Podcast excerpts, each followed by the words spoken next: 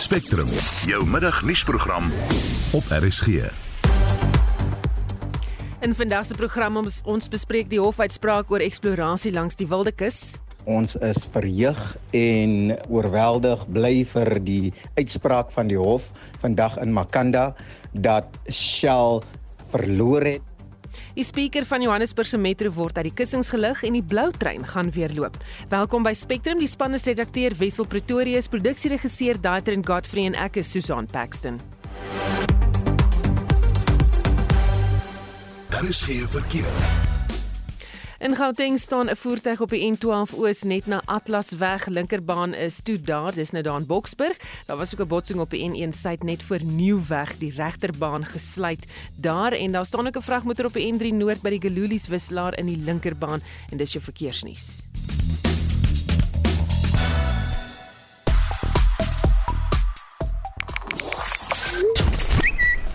Nou ja, op sosiale media praat almal oor uh, natuurlik lentedag en die heel eerste hitsmerk of een wat die eerste staan bo aan die lys is Spring Day en net na hom snaaks genoeg is Allergex. Ek wonder hoekom. en dan natuurlik nommer 4 president Cyril Ramaphosa wat uh, daaroor baie getweet word, as ook die land Zambië. En uh, ja, 'n bietjie later dan gaan ons uh, gesels oor 'n paar van hierdie stories. Ons praat ook later in die program oor die blou trein wat binnekort weer gaan loop. Intussen wil ons by jou weet wat was die lekkerste treinrit wat jy jy nog beleef het en hoekom sê jy so? Stuur vir ons 'n WhatsApp stemnota na 076 536 6961 of praat saam op die Monitor en Spectrum Facebook bladsy. Jy kon ook jou mening deur 'n SMS te stuur na 4588919 R50 per boodskap deel. Jy luister na Spectrum. Op RSG. Die Makanda Hooggeregshof het vroeër vanoggend in die guns van applikante bevind wat wil hê dat 'n besluit deur die Departement van Energie en Minerale Hulpbronne dat Shell in Desember mag begin met gaseksplorasie aan die Wildekus omgekeer moet word. Ons praat nou met Wilmien Wickem, 'n regsgeleerde van die Legal Resources Center. Goeiemiddag Wilmien. Goeiemiddag. En wat het die hof bevind? Dus die hof het dit in die guns van die gemeenskappe bevind. Uh, so die die permit wat Shell aanvanklik in 2013 gekry het om te eksploreer, daai permit is tersyde gestel as ook ehm um, die die ehm um, hernuwings op daai permit wat intussen gebeur het. Uh dis op die oomblik soos dit staan sake staan het Shell nie 'n permit om te eksploreer aan die Willekus nie. Skets net weer die agtergrond tot hierdie saak vir ons. So in 2013 het het het Shell aansoek gedoen om vir olie en gas te eksploreer aan die Willekeus en en ten einde dit te doen ehm um, uh pas hulle uh, tegniek toe wat hulle nou noem seismic survey. So dit is dit is hierdie ehm um, enorme ehm um, ammunisie wat geskiet word in in in die oseaanse bed. Ehm um, nou die jy weet dis die hele area van die Willekeus waar hulle dit beplan om dit te doen en ek dink die meeste van ons het eers bewus geword hiervan toe hulle daai permit wou begin gebruik wat aan die einde van verlede jaar was.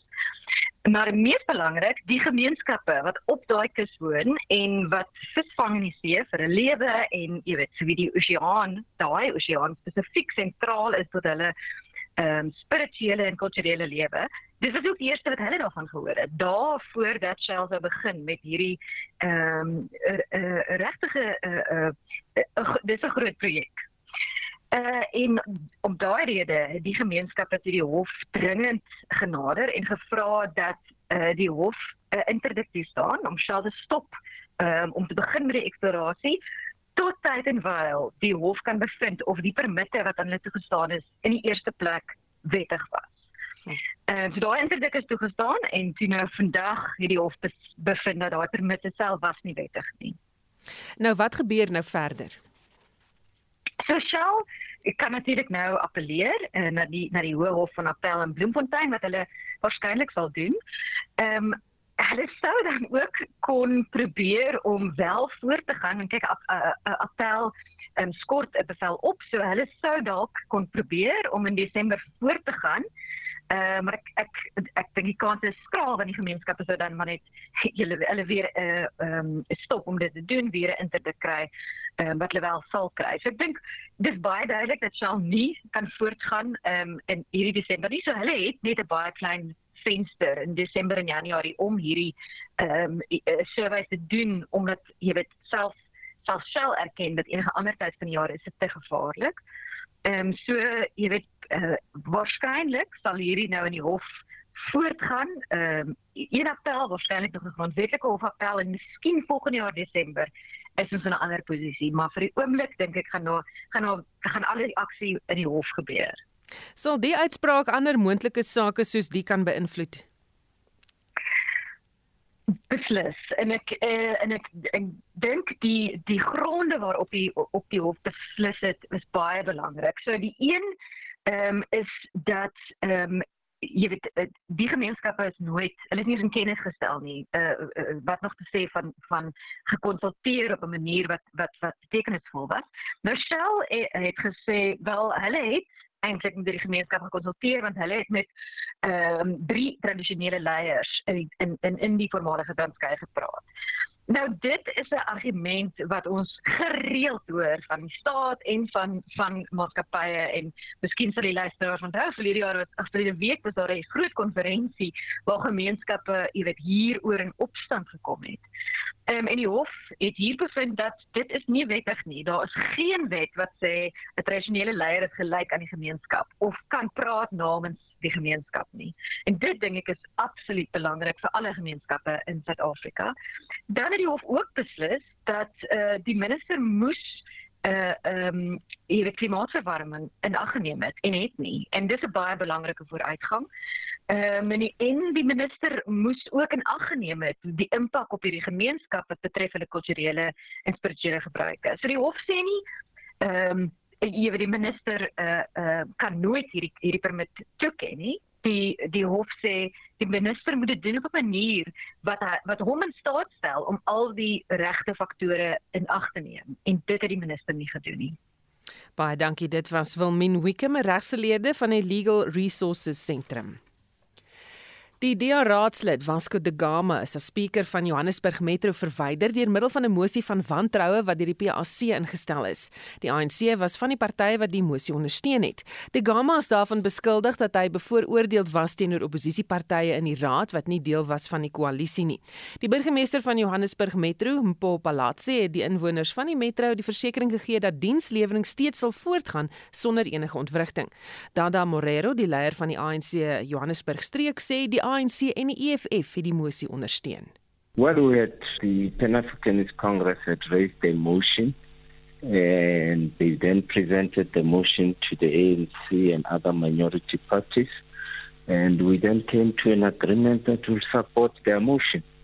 And yesterday the motion was then debated just a few minutes before midnight and we then voted against it, uh, 136 hands minority parties, the ANC and the EFF, supported the motion fully. Morero sê verskeie lede van die koalisie wat tans in beheer is van Johannesburg Metro het saam met hulle die mosie ondersteun. In the main is the Congress of the People and the, the ATM that shifted because they had also raised that dissatisfaction with the speaker and as a result of that they decided to move. But it's not only their dissatisfaction with the speaker, it also involves general dissatisfaction in the way that the Democratic Alliance has been leading the coalition and in the way that they have been leading the city of Johannesburg. So the parties themselves have been disillusioned and frustrated, and uh, hence they took a decision to pull out of the coalition in as far as the election of the is concerned. Morero sê hy het ook 'n mosie van wantroue ingestel teen die burgemeester. Well, the mayor's motion was also presented to the programming committee a week ago. Unfortunately, did not comply with certain legal requirements of a motion, and as a result, the motion was withdrawn. It should have also been tabled last night, which would have meant that the mayor would have been removed last night. Morero wou nie bevestig of hulle saam met die EFF sal werk om 'n koalisie te vorm nie. Well, that's not within our competence as a regional leadership. It's a provincial competence, so they will have to engage the EFF at the level of the province if we have to work and constitute the government together. But where we are Johannesburg. We do not have any issue working with anyone who has an interest about the future of Johannesburg. Dit was Dada Marero, die leier van die ANC Johannesburg streek. Ons praat nou met die dekaan van die Departement Geesteswetenskappe aan Akademia, professor Pieter Dievenage oor die storie. Goeiemôre Pieter. Goeiemôre Susan. So wat het nou hier gebeur? ja, nee, kyk, uh, dit is baie meer as 'n storm in 'n teekoppie. Kyk, ehm um, dit was 136 teen 132 wat die mosie van wantroue geslaag het. Maar daar was een lid van die uh, Action SA wat nie beskikbaar was nie en die vreemde is dat jy weet 'n party soos die ACDP wat in koalisie is met die DA, twee van sy lede het saam met die ANC gestem en een nie, het na die DA kant toe gestem. So dis 'n bietjie as jy my vra, die mosie het nou geslaag. Ehm um, maar uh, dit was 136 tot 2 teen oor 132 en daar's 4 of 5 of 6 lede wat eintlik by die koalisie moet wees. So dit is 'n bietjie verwarrend. En uh, ek dink wat hier gaan gebeur is daar moet nou 'n nuwe spreker aangestel word, maar die kans is goed dat die huidige spreker dalk weer verkies sal kan word. So ek dink nie dit is 'n train smash nie as ek nou die Engelse woord kan gebruik vir die koalisie nie, maar dit wys tog wel dat die koalisie broos is uh en dat hulle groter dissipline aan die dag sal moet lê want daar is ooreenkomste gemaak, jy weet um, in hierdie DA geleide koalisie voorheen dat partye daarom wanneer dit by sulke stemminge moet kom, uh of sulke stemgeleenthede dat daai partye met 'n sekere dissipline moet optree. Wat ook interessant is hier is dat die EFF en die ANC klaar blyklik saam sou gewerk het om die spreker uit die kussings te lig. Iets wat die EFF beloof het hy nooit sal doen nie. Absoluut, maar ek dink dit is net bloot wat mense sal nou noem opportunistiese politiek, nê. Nee? Ehm um, en dit lyk my tog wel dat die ANC en die EFF sal op sekere plekke ter wille van mag saamwerk. Ek dink nie landwyd en oral nie, maar in sekere gevalle. En hier het ons nou so geval gekry dat die EFF en die ANC het saamgestem om van die speaker uh jy weet om die om die mosie van wantroue in te stel. Uh mens moet ook onthou hier's groot ontwikkelinge aan die gang, sou ek sê in Gauteng, want die nuwe leier meneer Lesofie uh van die ANC staan nader aan die EFF as meneer Makura die vorige leier van die ANC wat nou nog die premier is.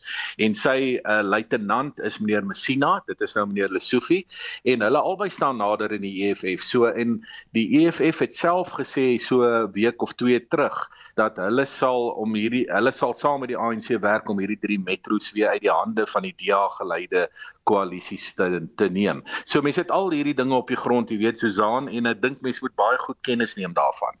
Is die burgemeester wat DA lid is die volgende teken? Uh, kan wees maar soos ek dit gestel het met die 136 132 stemme jy weet um, om nou die speaker uit te lig en ook om die um, burgemeester uit te lig dink ek gaan nie so maklik wees as dit klink nie. Uh want daar was nou 'n klomp van die kleiner partye wat in koalisie met die DA is, ehm um, het nie goeie dissipline aan die dag gelê nie. Hulle lede het sommer gaan stem daar waar hulle wou, soos hulle op die oomblik gevoel het. En ek dink daar's as daar groter dissipline kom in die koalisie, dan sal beide die speaker en die burgemeester se poste nie so in gevaar wees soos dit op die oomblik lyk nie. Is die landwyse verskynsel as mens kyk na wat in Nysna gebeur het toe die PA die DA daar uit die leierskapsposisie gestoot het?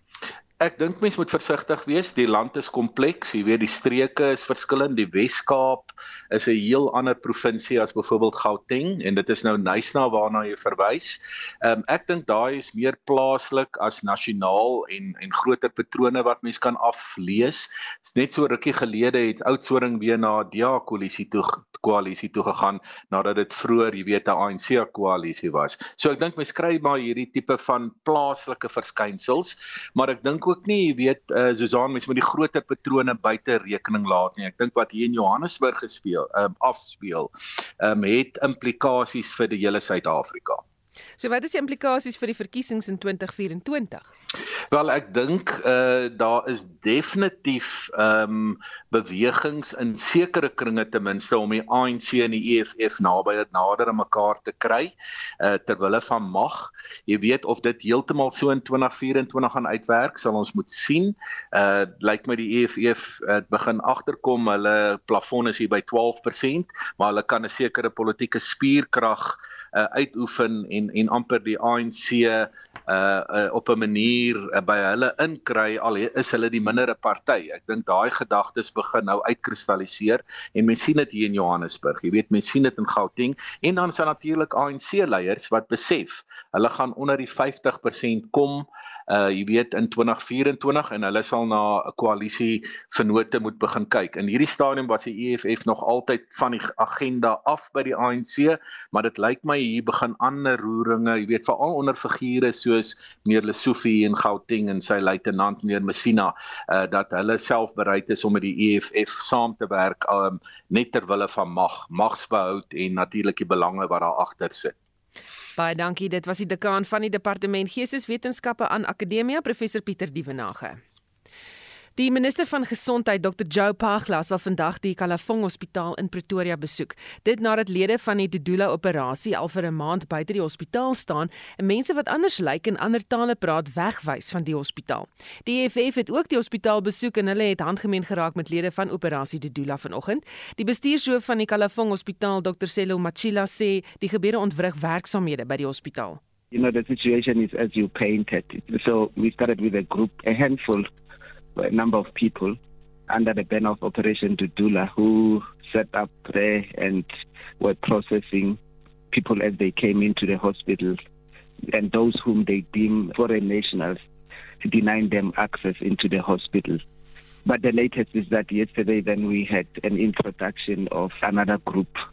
So this is what we're dealing with at the moment. But the police are on site uh, keeping an eye on what is happening outside the hospital. Machila sê dis duidelik dat hulle buitelanders weghou van die hospitaal.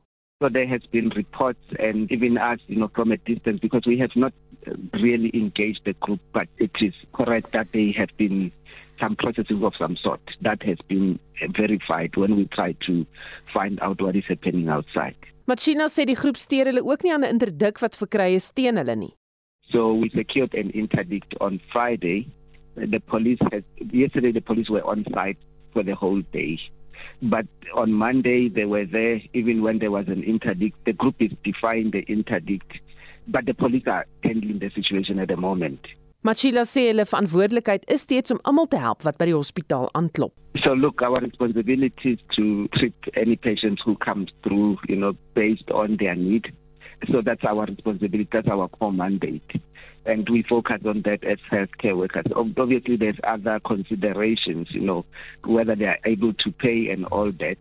And there are regulations which uh, we operate under to take care of those aspects.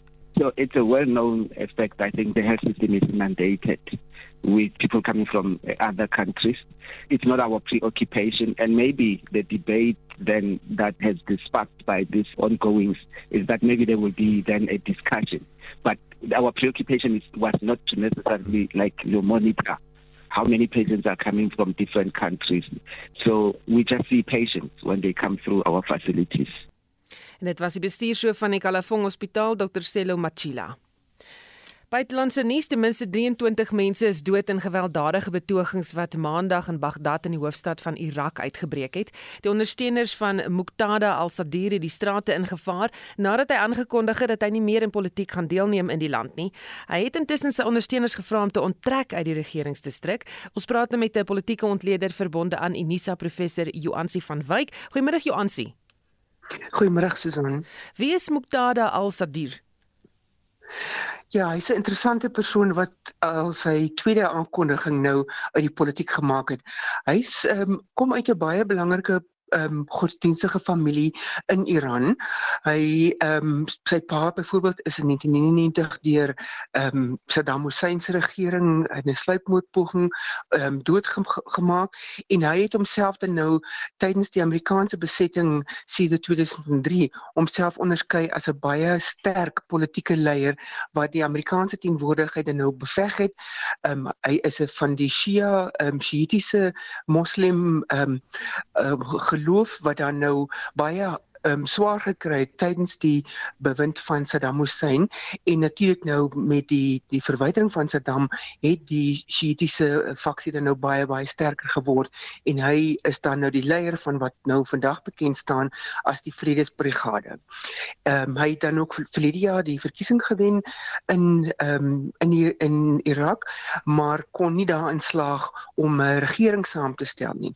En hierdie proses het dan nou omtrent tot nou in Julie ehm um, geduur wat hy dan nou ehm um, sy party onttrek het van die ehm um, pogings om die regering saam te stel.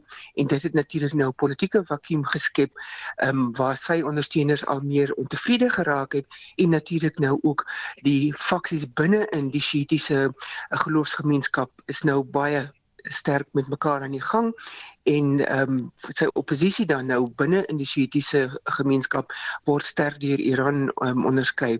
Ehm um, Sadir self was vir 'n tyd lank in ballingskap in Iran. Ehm um, hoekom Iran so belangrik is is omdat dit nou een van die die geloofshuise sal ek nou net noem van die Shiitiese geloof is en wat dan nou tydens die regering van Saddam Hussein wat 'n Sunni ehm um, minderheidsregering gelei het, het ehm um, Iran dit nou baie beskerming en hulp verleen aan die Shia meerderheid wat in daardie stadium in die politieke ontmagtigde posisie was.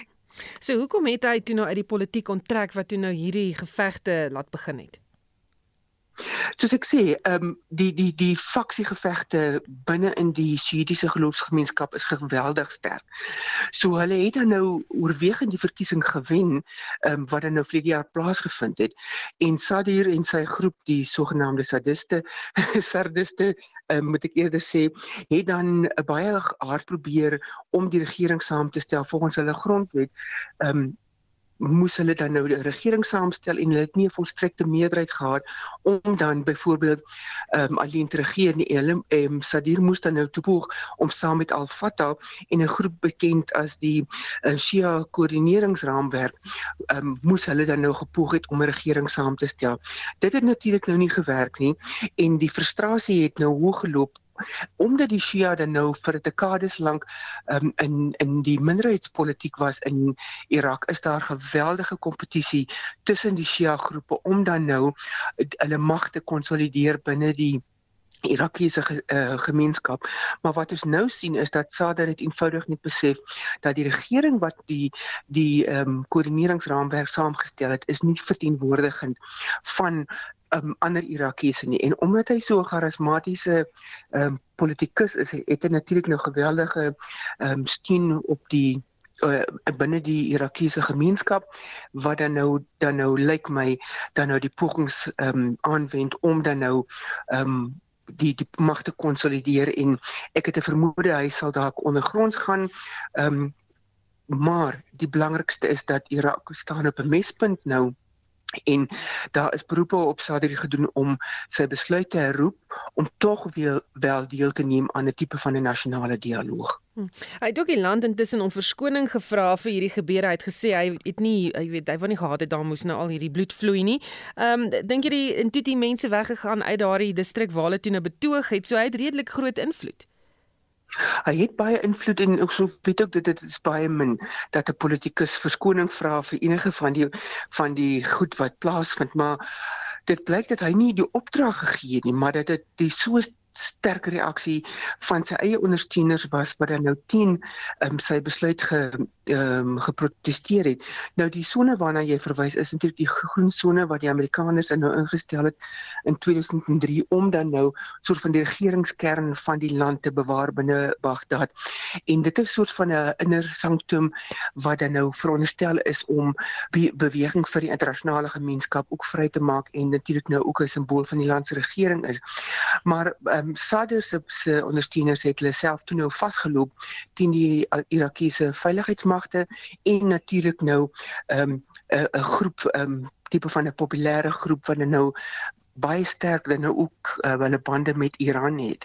Ehm um, en dit het dan nou tot die geweld gelei. So Sadr sal natuurlik aanhou konsulteer met met sy groep en die belangrikste is nou wat gaan dit vir hom aantreklik maak om terug te tree ehm um, binne die politieke ehm um, debat sodat die land nie in in verdere ehm um, um, chaos verval. Ons weet die afgelope 19 jaar sedert die Amerikaners daarbey betrokke geraak het um, en Saddam verwyder is, het, het die land natuurlik basies geen stabiliteit gehad en ehm um, dit is so 'n belangrike olieproduserende land en vir die internasionale gemeenskap is dit belangrik dat Irak baie stabiel bly. Ons weet die olieprys klim en ehm um, natuurlik kan dit ook dan nou saam met die situasie in Oekraïne en Rusland groter energie-onsekerheid wêreldwyd veroorsaak.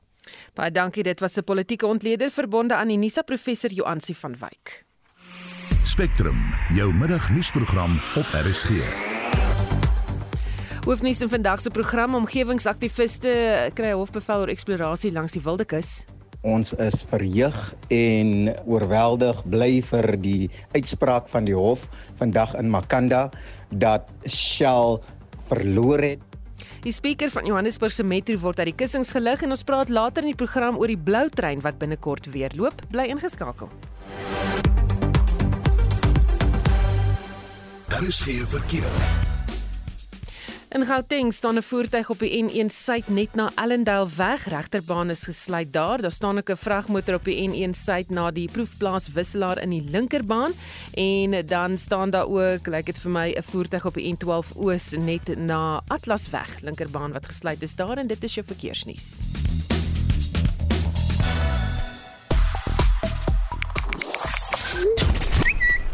Goed, steeds die uh, nommer 1 hitsmerk van die dag is Spring Day met die uh, nommer 2 Allergex wat uh, in die tweede posisie is van almal wat oor dit praat.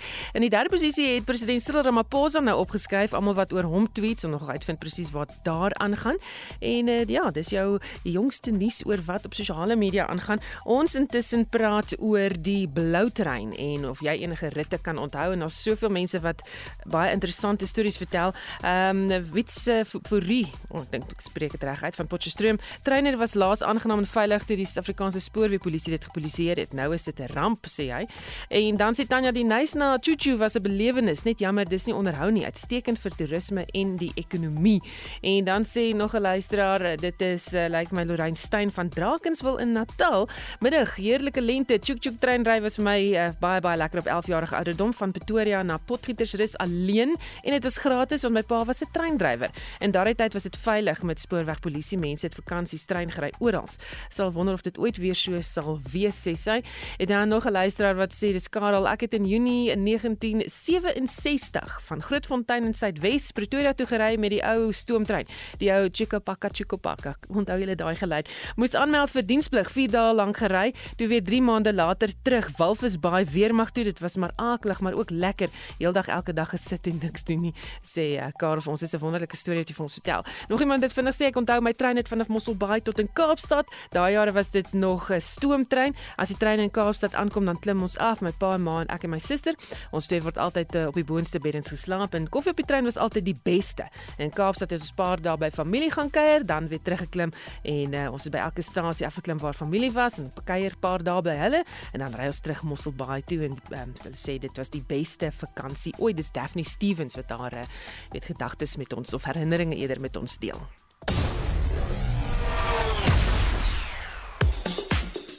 Hier is Winsome of King met vandag se belangrikste sportnuus. By die Amerikaanse Tennisope het twee topgekeerde spelers in die vroue afdeling die knie gebuig en die enigste Suid-Afrikaner na die volgende ronde deurgedring het. In die mansdubbel het Suid-Afrika se Ryan Klassen en sy spanmaat Marcelo Melo van Brasilië hul eerste ronde wedstryd gewen. In die vroue afdeling is die tweede gekeerde Anet Kontaveit van Estland deur die 40-jarige Amerikaner Serena Williams uitgeskakel, terwyl die derde gekeerde Maria Sakkari van Griekeland ook verloor het. Graham Smith het meer inligting oor die nuwe SA20 krieket toernooi bekend gemaak.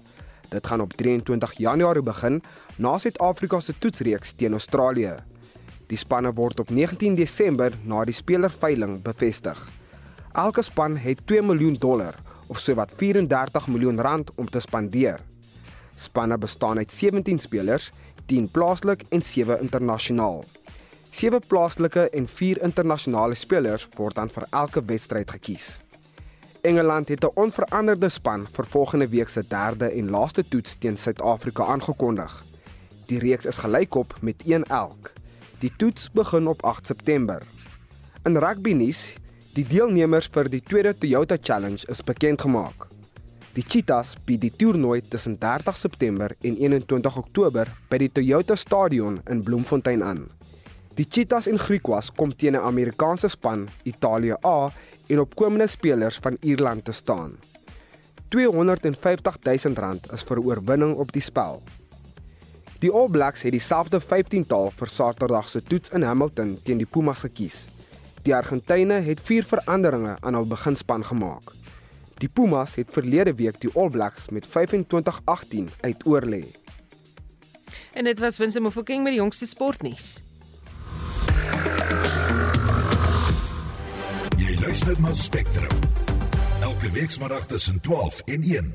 En is nou 12:36 lede van die staande komitee oor polisieoorsig in die Wes-Kaap is gefrustreerd omdat hulle nie klarigheid by die polisie uh, of die provinsiale polisie kry oor die vernietiging van onwettige vuurwapens nie. Die komitee het die polisie gevra om hulle op hoogte te bring van die stadige vordering om 'n geskikte gebied in die provinsie te vind vir die vernietiging, asook om hulle in te lig oor die vernietigingsproses. Ons praat nou met Regan Allen, die voormalige komitee-voorsitter en nou die Wes-Kaap se minister van gemeenskapsveiligheid. Goeiemiddag Regan. Susan, altyd goed om met u te praat en goeiemiddag aan al die luisteraars. So wat is die proses wat gewoonlik gevolg word om onwettige wapens te vernietig? Ehm um, dit is iets wat ons sedert 2014 lig en toe in 2019 uh, met my aanstelling as die voorsitter van die komitee het ons dit weer aangehaal met die Suid-Afrikaanse Polisie Diens. Wat toe gebeur nê was dat in 2021 gedurende um, die maand van Februarie ek was deel van 'n NCOP briefing en ek vra die nasionale minister van van polisie rondom 'n uh, dedicated uh, firearm destruction site vir die vernietiging van onwettige vuurwapens. Die antwoord was baie duidelik dat nasionaal oop is um, vir so 'n perseel hier in die Weskaap want heidaglik word onwettige vuurwapens um, opgeneem na Pretoria toe twee keer 'n jaar om te vernietig word. En ons weet dat as daar enige loopholes in die proses is, kan som van daai vuurwapens terugbeland in die hande van bendes en van kriminele wat sal dan verdere moorde en havoc cause hier in die Weskaap. So dit is 'n probleem, maar ons druk hard van ons kant af om te verseker dat 'n uh, vernietigings uh, perseel vir die onwettige vuurwapens moet gehuisves wees hier in die Weskaap sodat ons kan verseker maak dat ons kan elke kwartaal vernietig. Ons kan verseker maak dat enige vuurwapen wat afgevat word, ehm um, kan dan vernietig word en nie weer in die hande van 'n uh, uh, misdadiger beland nie. Hmm. Jy praat nou van hoe onveilig dit is om hierdie wapens te vervoer heen en weer, byvoorbeeld na Pretoria toe waar dit vernietig word. Hmm. Ehm um, sal dit veilig wees daar in die Kaap ook sou daar dat byvoorbeeld 'n perseel wees? Ehm um, ons ons weet beslis nê in terme van die veiligheidsnou daar uh, stoor 13 kamers en dit is veilig daar. Sê Afrikaanse polisie diens in die Weskaap het bevestig dat geen van die vier wapens van die Weskaap tot en met dit voor dit in Pretoria kom het weggeraak nie was gesteel nie nê? Maar wat ons sê in terme van enige loopholes wat moet toegemaak word dat moet dan ons kan dan seker maak dat die perseel ehm um, daar is en dat dit kan vernietig word en dit kan 'n boodskap stuur rondom die feit dat enige vuurwapen wat hier in die Weskaap afgeneem word, sal dan vernietig word en weer in die hande van 'n misdadiger wees. En ek um, ondersteun die die resolutions van die staande komitee om verseker te maak dat hulle die oorsigrol speel, maar selfs ook kyk hoe ons kan privaat besighede betrokke kry met so 'n perseel of ander spesies van government soos die stad van Kaapstad sodat as die perseel daar is, um, sal dit makliker wees. Ehm um, Susan, dit maak dit maak net sin dat die dat die vier wapens hier in die Weskaap gevernietig kan word en ons moet verseker maak dat so 'n perseel hier in die Weskaap is en nie net twee keer per jaar opgeneem word na na Pretoria toe nie. Kon die polisie tot dusver enige antwoorde oor hierdie kwessie vir jou gee?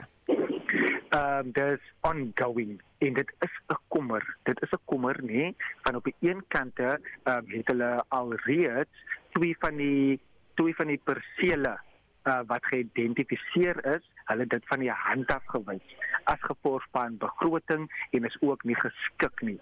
Ons probeer nou om nog verdere uh, persele te, te identifiseer sodat ons 'n verdere byhand kan gee in die verband. Alhoewel ek moet sê die is die is 'n uh, is 'n nasionale kompetensie. Dit sit by nasionaal en nasionaal moet amptelik die die besluite maak om die perseel hier te hê. Ehm uh, in die wetenskap voel ons ehm um, dat dit moet hier wees en ons moet net beseker maak dat ehm um, ons druk en ons die oorsig en daarom vra ons ehm um, vir die afwenteling van die Suid-Afrikaanse Polisie Diens na die Weskaap toe sodat ons meer beheer kan hê ehm um, rondom ehm um, die management van die SAPS en hoe dit dan gehanteer word. Dan kan ons dit uh, binnekort uh, as die afwenteling moet daar gebeur sal ons dit so gou kan doen van ons sien die nood. Baie dankie dit was die Weskaapse minister van gemeenskapsveiligheid Regan Allen. Vandag is die sperdatum vir politieke partye in die nasionale vergadering om name in te dien vir kandidate om die Palapala kwessie te ondersoek. Die onafhanklike paneel sal bepaal of daar enige prima facie bewyse is om president Cyril Ramaphosa in 'n staat van beskuldiging te plaas. Die spreker van die nasionale vergadering, Nosiviwe Mapisa Nkakula, sal drie name kies om op die paneel te dien. Sou die benoemings die name van regters insluit, sal die spreker die hoofregter moet raadpleeg. Die paneel sal sy werk binne 30 dae moet afhandel en sy aanbevelings by die spreker indien, maar Lie Skeepers doen verslag. Politieke partye het reeds aangedui dat hul benoemings die name van voormalige regters sal insluit. Die paneel van 3 lede sal moet vasstel of daar genoeg bewyse is dat president Ramaphosa seksie 89 van die grondwet oortree het. Dit volg na die ATM se mosie om Ramaphosa in 'n staat van beskuldiging te plaas. Die party se woordvoerder, Zama Ntshona, verduidelik waarom hulle regters op die paneel wil insluit. These are men and women of integrity who have served this country with honor and dignity. These are men and women who have always prioritized this constitutional democracy. And as the ATM, we have placed our trust in them and on them to once again answer a pivotal call of patriotism. Cope sê sy lys van name sluit ook regters in. We firmly believe that retired Judge Sisi Khampepe, retired Judge Edwin Cameron, and former Public Protector Advocate Tuli Madonzela will fit this criteria. Dit is wat Cope se woordvoerder Dennis Bloem vroeër gesê het. Die ACDP se lys van name sluit die voormalige hoofregter Mogoeng Mogoeng in. Steve Swart is die party se hoofsweep.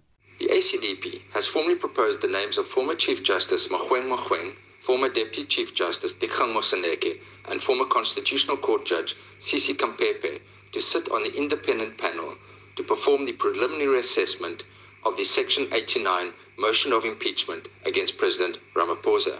These candidates comply with Rule 129E as they are not only judges but also are competent, fit, and experienced citizens who collectively have the necessary legal and other competencies and experience to deal with this very serious matter. Die leier van die PAC, Mzwanele Nayonchu, sê sy lys van name sluit ook regters in. PAC of Azania would prefer that eminent and trustworthy personalities such as retired judges Bennett Ngweb, Dikgang Moseneke and Bishop Fume Dandala be considered. The reason we forward the name of Bishop Dandala is because this matter is not only legal, it also touches the question of ethics and morals. Die DA se lys sluit die name van die voormalige regters van die konstitusionele hof, Dikgang Moseneke, Yvonne Makgoro in, sowel as die afgetrede regter Janet Traverso. Die party se hoofsweep, Siwewe Gwarubu, verduidelik. The reason that we have done so is because of the individual and collective extensive legal experience. We understand that the Section 89 inquiry is the first of its kind in the South African Parliament, as it is the beginning of an impeachment process in the President of the Republic. Therefore, what is needed is a panel that will be impartial, a panel that will have the ruthless application of the law and the rules of Parliament. And we are of the view that this panel will be able to do that. Die ANC se hoofsweep Pemi Majudina sê hulle lys sluit ook Moseneke en Makgoro in, sowel as Sisi Kampepe. Dit was die ANC hoofsweep Pemi Majudina. Die verslag is saamgestel deur Abongwe Kabukana in die parlement. Ek is Marlie Skeepers vir SAK nuus. Die blou trein gaan binnekort weer sy dienste hervat. Sy dienste is in Februarie as 'n voorsorgmaatreël opgeskort nadat 19 treinwaans in November 2021 by Germiston ontspoor het. 'n Treinwa het in Januarie by die blou trein se onderhoudsdepot ontspoor en een van die treinwaans wat in November ontspoor het, het later aan die brand geslaan. Transnet het Maandag aangekondig dat sy ondersoek na die treindiens afgehandel is en dat hy tevrede is. Ons praat met die bedryfshoof van die Suider-Afrika Toerisme Vereniging, Hanlie De Tooy. Goeiemôre Hanlie. Hi Susan. Is 'n spesifieke datum al bekend wanneer die blou trein se dienste hervat? Ja, ek is baie bly om te sê die 5de September. So, ehm um, dit is om die draai. Ehm um, dit is ook vandag net net vir interessantheid die begin van ons toerisme maand. Um, met Wêreldtoerisme Dag wat die 27ste September plaasvind en ek wil net gou gesê die blou trein het fantastiese spesiale aanbiedinge om dit te um, om om om hulle ehm um, hervat te te, te celebrate. Nou, die treindiens is verby kan 7 maande opgeskort en so kort na die COVID-19 pandemie. Wat was die impak daarvan op toerisme?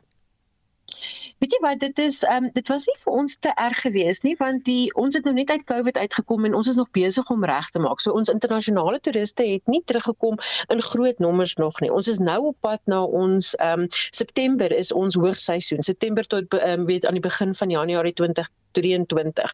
So uh, ek meen die om nou die tyd te gevat het om om goeders reg te maak en om seker te maak daar's veiligheid was 'n goeie idee. Dit is 'n goeie tyd om weer te begin want soos ek gesê het, nou begin die mense weer inkom, die internasionale mense weer inkom. Hmm. Dan oor sê se toeriste bespreek graag op die blou trein omdat hulle verskeie streke van die land wil sien, maar hoe bemark dan nou mense dan nou die treindiens aan die oorseese mark na die COVID-19 pandemie en na die afgelope 7 maande? Ja, so, soos ek gesê het, die skorsing was baie nodig want die veiligheid van ons toerisme is ons nommer 1 prioriteit. Dit is die belangrikste. Na die volledige ondersoek weet ons nou die bloutuin is weer optimaal. En dit gaan dalk 'n oomblik vat om vertroue weer te herbou, maar jy weet daar 70 jaar se geskiedenis en die bloutuin is een van ons ankerprodukte om op terug te val. En kyk, dit bly natuurlik die wêreld se beste treinreis, een van die wêreld se beste treinreise. En jy weet baie mense hou daarvan om te voel hulle sien die land. So as hulle op die trein ry 24 uur Johannesburg Kaapstad toe, dan ehm um, jy weet dan sien hulle 'n mooi deel van die land. Klink vir my nog iemand is baie opgewonde oor die blou trein. Ehm um, is, is jy optimisties uh, dat toerisme syfers weer gaan kop optel nou? 100%. Ons het um, ons sien dit dadelik. Ehm um, baie van ons members, ons noem dit ons forward book. So daar's baie ehm um, ehm um, weet die besprekings wat gemaak word. Ons forward book lyk baie goed. Ons is ons is in vir 'n goeie seisoen. Baie dankie. Dit was die bedryfshoof van die Suider-Afrika Toerisme Vereniging, Hanlie de Tooi. Brandpunt. Die staking deur hierdie oproerige vakbonde in Suid-Afrika grens aan waansin. Die regering het nie genoeg gedoen om ons eh, lewensstandaard te verbeter nie. 1.7 miljard rand. Dit is wat dit ons gaan kos. Werkers spandeer meeste van hulle geld op daardie dinge wat die hoogste styg. Dit is genoeg geld om vir 400 000 werklose Suid-Afrikaners die sogenaamde COVID-toelaag vir 'n volle jaar te kan betaal. Brandpunt, werkdae tussen kwart voor 6 en 6. Marlie Skeepers het vir ons eh, die nuus en ontwikkelende stories van die afgelope uur dopgehou. Hi Susan, een van die grootste stories van die dag is die Makanda Hooggeregshof se uitspraak wat in die guns van applikante bevind het om die departement van energie en minerale hulpbronne se besluit om te keer dat die oliereus Shell nie met gaseksplorasie aan die Willekeus in Desember mag begin nie. Hier is wat Dewald van Rooi gemeenskapskoördineerder van die Green Connection daaroor te sê het. Inwoners van die Wilde Kus en Suid-Afrika en ons planeet het oorwin. Dankie vir die feit dat ons konstitusionele reg deur die hof bevestig was tot 'n skoon oseaan en fossielbrandstowwe in 'n klimaatsverandering krisis is nie die antwoord nie. En 'n oorwinning vir die vissersgemeenskappe 'n oorwinning vir ons omgewing 'n oorwinning vir die planeet. Dankie Die bestuurshoof van die Kalafong Hospitaal, Dr. Selo Machila, sê werksamehede by die hospitaal is ontwrig sedert lede van oper operasie Dudula voor die hospitaal begin betoog het. Die beweging het glo buitelandse pasiënte geïntimideer en verhoed om toegang tot die hospitaal te verkry vir mediese hulp. Lede van die EFF het intussen daar opgedaag en eis dat die polisie die Dudula-lede dwing om die hospitaal te verlaat. Die situasie is tans baie gespanne. Die minister van gesondheid, Dr. Joe Pagla, sou vanoggend nog die hospitaal besoek het, maar ons is nog nie seker of daar is nog nie duidelikheid dat hy al daar is of onderweg is nie. Machila sê ten spyte daarvan dat dienste ontdrug word, het hulle ook 'n etiese verantwoordelikheid om mediese sorg te bied aan diegene wat dit benodig. So look, our responsibility is to treat any patients who come through, you know, based on their need. So that's our responsibility, that's our core mandate. And we focus on that as healthcare workers. Obviously, there's other considerations, you know, whether they are able to pay and all that.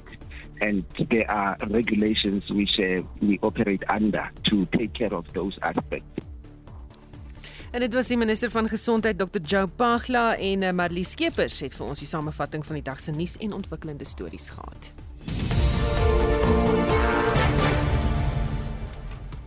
Goed, ons praat oor lentedag, treinry en al die dinge. Iemand wat sê lentedag se piep, kan dit nie reg hard sê nie, maar uh, nog te koud daarvoor in Gauteng alleen met onder 20 grade.